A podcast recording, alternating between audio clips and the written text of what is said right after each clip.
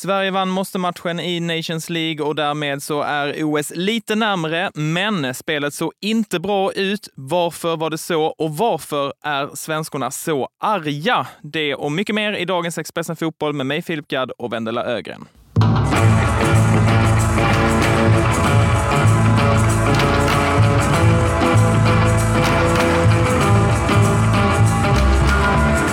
Ja, Vendela, Sverige vann med 1-0 borta mot Italien denna måste-match där man behövde vinna i Nations League för att kunna vinna den här gruppen och då ha chansen att gå till OS i Paris nästa sommar. Men du, det där spelet, det såg inte jättebra ut. Nej, verkligen inte. Det känns ju som att eh, Sverige verkligen får pusta ut och vara glada och tacksamma för att de tog den där de där tre poängen som är så, så tunga och så viktiga. För nej, det kändes såg verkligen inte bra ut. Och även om det blev en seger så är ju känslan liksom att det här eh, oset nästan känns längre bort. Ja, för eh, det såg ju helt okej ut i första halvlek ska vi säga. Det var ju där Sverige tog ledningen genom Johanna Rytting Kaneryd. Men i andra halvlek så beskrev i alla fall Gusten Dahlin det i TV4 det som one way traffic mot eh, Sveriges mål. Håller du med om det? Ja, men det måste jag, måste jag ändå göra. Jag tror han också sa att det var som eh, att spela boxplay i liksom 45 minuter. Eh, och det är ändå en hockeyreferens jag tycker passar bra in här.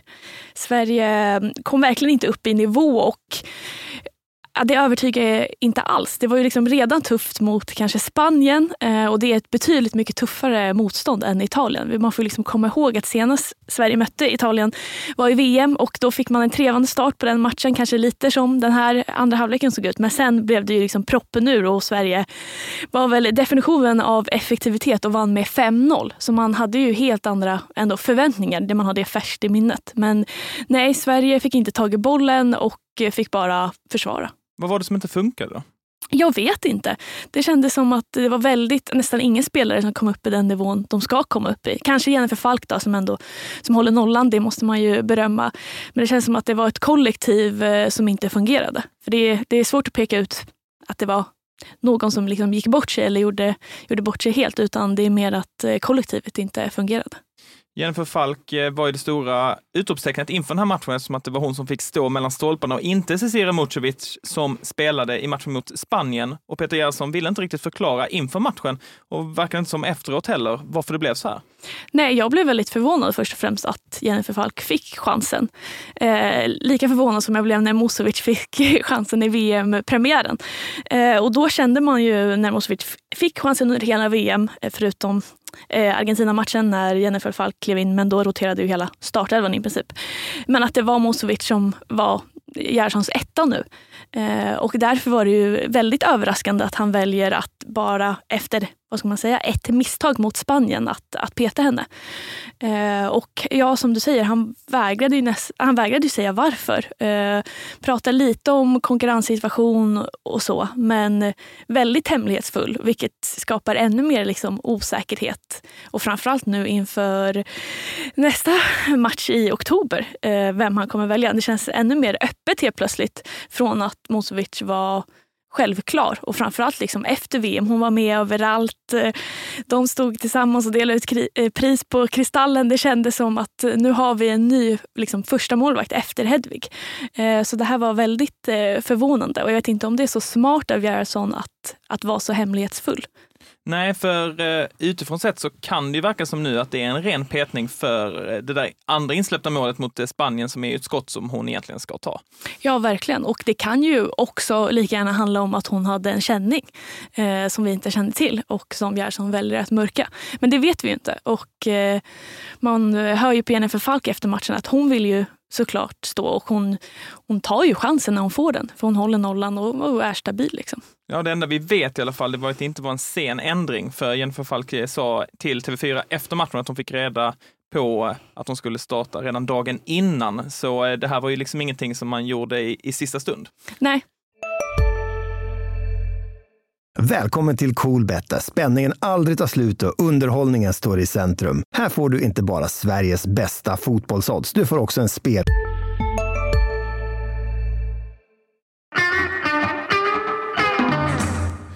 Så vi får väl helt enkelt se om det är eh, Jennifer Falk eller Cecilia Musovic som är eh, etta framöver i det svenska landslaget. På tal då om att Gerhardsson inte pratar så tydligt alla gånger, eh, så var ju detta väldigt tydligt då i efterintervjun i TV4 där Gerhardsson skulle försöka att analysera Sveriges insats mot Italien, men det blev mest mumbo jumbo. Ja, det vet jag inte. Jag måste ju se matchen en gång till. Och då, då finns det säkert detaljer där i, i det hela hur man kan göra. Men det kommer att vara en ny motståndare. Nu är det Schweiz nästa. Så att vi pratar mycket om feed forward. Det är vad man kan ta med sig mot nästa motståndare. Och det innebär att den här matchen ligger... Några saker ligger till grund, men inte allting. Utan sen är det också hur Schweiz spelar och vad de gör och så vidare. Så att... Eh, eh, ja, det får man se när man har tittat på det. Men det är ingen känsla så här spontant att det här, det här är någonting som saknades idag? Nej, inte så här direkt efteråt, utan det är ett, man har inte sett. Man ser liksom det som är närmast här och där såg vi en hel del saker, men eh, man ser väldigt dåligt utanför. Så att, eller längre bort. Så att jag har enormt stort respekt för, för mitt eget jobb när det gäller att stå och prata analys efteråt när jag har, eh, har en månad på mig att titta på den här matchen och kolla och även Spanien-matchen vad vi kan göra bättre. Och det, det, det, det är så vi jobbar. Sen eh, kanske det är många som vill ha en, ja, någonting hur det har sett ut och det är upp till allas perspektiv och hur man har sett och vad man förväntas och så vidare. Men för mig är det ett jobb som ska göras nu och titta på matchen i två, alltså dels tv-format när man ser när, närkamper, man ser den delen men också ser stora delar i det hela. Och efter det så kan man på något sätt ge en liten analys. Att vi inte, en tränare inte, det är många som är bättre än en tränare när, efter en match direkt, det kan jag säga. Jag är jättebra också när jag har sett match på tv. Ja, det är mycket man måste prata om här. Dels då hur dålig syn har Peter Gerhardsson. Han säger att man ser inte matchen så bra där han står. Han är ju närmst av alla ju. Ja, det är lite oroväckande. Också intressant det här att han ska se närkampen men också andra stora delar. Ja. ja. och att han också använder ett ord som jag aldrig hört tidigare, att han ska se matchen i tv-format. Ja, det är väl så man ser en match i efterhand. Ja, man ser den på skärm. Ja, eller så han kanske kör radioformat också ja, för att få ska, andra. Ja, just det, att han ska lyssna på referatet också. Ja, han säger själv att han har en månad på sig att se om den här matchen. Men ja, lite konstigt att han inte kan säga någonting i alla fall, vad det som gick fel. Ja, verkligen. Men det är väl något man känner igen med Gerson, att han, eh, han, när han inte vill svara så hamnar man ofta i det här. Men det är klart att efter en sån här insats och kanske framförallt då andra halvlek som man har färskt kanske man vill ha liksom som eh, svensk supporter eh, ett spontant att nej men det här var inte så jäkla bra. Han säger ju i förbifarten här att han såg flera saker på den här matchen, men han vill inte säga vilka det är. Så han såg ändå någonting som han skulle kunna analysera, men han vill invänta tv-formatet. Mm, en månad av tv-format för att se om det stämmer. Då. Ja, jag sätter en eh, påminnelse i min kalender. Om en månad då kan vi fråga Peter Gerhardsson vad han egentligen tyckte om matchen mot Italien. Eh, annars var det rätt sura miner efter eh, den här matchen. Eh, vi har sett citat hos flera av våra konkurrenter om att eh, det svenska landslaget och framförallt då Kosovare Asllani såga allt och alla efter den här matchen. De var inte nöjda med spelorten, inte nöjda med planen, inte nöjda med domaren och dessutom så spökade det på deras hotell, tydligen. Ja, vilken jävla kombo, får ja. man väl säga. Eh, nej, de var ju allt annat än glada. Redan innan var de ju upprörda över spelorten. För Det var ju en väldigt liten italiensk ort eh, de, ute på vischan som de hamnade i. Och det, det, förstår man ju. Det är väl att man såklart vill ha mer eh, när det är liksom ett Nations League och en OS-plats som står på spel. Eh, sen den här domarkritiken köper jag kanske inte helt och hållet. För man får ju ändå vara ärlig att Lina Hurtig hade ju en satsning med dobbarna före i första halvlek som nog borde slutat i ett rött kort, men hon eh, blev helt friad. Eh, fick inte ens ett gult kort. Så på så sätt så vet jag inte om domarna var helt emot Sverige. Det var Nej. inte det, i alla fall jag lämnade matchen när jag hade sett den och tänkte på att de har domaren emot sig. Men det är kanske det som Lina Hurtig menar, att domaren var askass för jag borde blivit utvisad. Hur kan hon inte se det? Vilken dålig domare! Ja, faktiskt. Så kan det vara. Är det inte lite konstigt att det inte finns VAR i sådana här eh, matcher? Alltså Nations League herrar kör ju VAR om jag inte minns helt fel. Men här har man inte val. VAR. Nej, det är ju jättekonstigt såklart. För det är ju alltid olika Eh, så det blir ju väldigt... Alltså då har de precis gått igenom ett VM där de har spelat med VAR och blivit liksom lärda att man kan förlita sig på det. Eh, och nu, nu saknar man det. Så det är klart att det blir väldigt eh, konstig nivå. Ja, någonting som Uefa nog borde lösa rätt fort med tanke på att de här matcherna är väldigt viktiga. Det är ju flera OS-platser som står på spel. Det här med att det spökade på hotellet, tror du på spöken? Nej. Tror du att eh, det verkligen spökade på Sveriges hotell? Då? Alltså när Kosse säger Jag tror att Kosse tror att det gjorde det. För att eh, när man har hört henne prata, när hon pratat om tidigare incidenter, det var ju en litet jordisk eh, liksom, bävning eh, citattecken, under VM i Nya Zeeland. Eh, och de var även med om det under OS i, eh, i Japan. Eh, och då hörde man ju från lagkamraterna att Kosse hon blir ju rädd för allt. Så att, ja, jag tror att Kosse tror definitivt att det var spöken där. Det är hon som är den mest lätt, lättskrämda i landslaget? Då? Det, det är känslan jag fick. De sa att hon springer upp och skriker för ingenting. Okej. Okay. Lina Hurtig var också eh, ute i medier och sa att hon också trodde att det spökade, i alla fall köpte eh, Kosovare Aslanis eh, teori. Lina Hurtig känns väl som den som är minst lättskrämd. Ja, verkligen. Helt obrydd. Borde bara rycka på axlarna liksom. Ja. Hon blev knappt svettig. Nej. Hej, Ulf Kristersson här. På många sätt är det en mörk tid vi lever i. Men nu tar vi ett stort steg för att göra Sverige till en tryggare och säkrare plats. Sverige är nu medlem i Nato. En för alla, alla för en. Har du också valt att bli egen?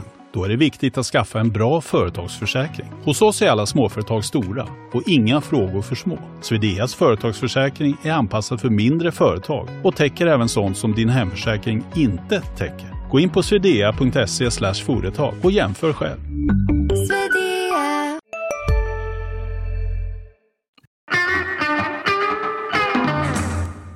Du, om vi blickar framåt i eh, det här Nations League-äventyret för eh, Sverige så väntar två matcher i nästa samling. Eh, då snackar vi 27 oktober och 31 oktober. Det är två stycken hemmamatcher, Schweiz och Italien.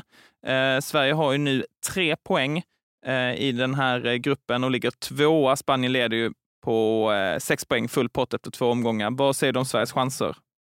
Eh, nu, alltså de matcherna som kommer, Italien-Schweiz hemma, ska man ju bara vinna. Även om Gerson pratar om hur tufft motstånd Italien och Schweiz ändå är så det kan man förvänta sig att de ska göra. Men trots det så ser det ju väldigt tufft ut när man har Spanien i sin grupp eh, som visade mot Sverige och, och alltid gör det hur bra de är. De har en Putellas som börjar visa stor form igen och de förhoppningsvis är ju också deras eh, flera månader långa bråk här med förbundet eh, över, vilket gör att de kommer få bättre förutsättningar och slippa lägga energi och nätter på att sitta och bråka eh, med arga män.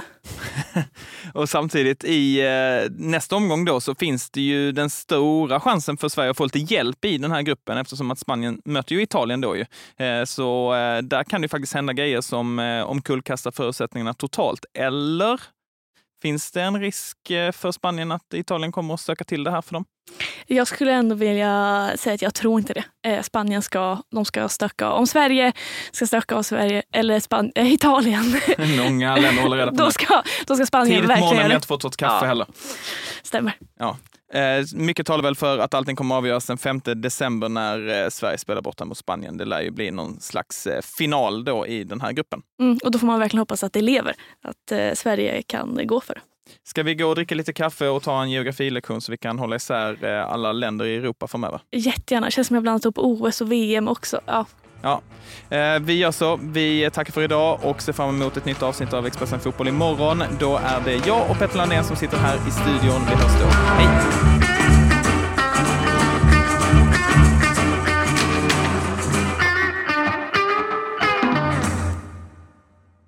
Du har lyssnat på en podcast från Expressen. Ansvarig utgivare Klas Granström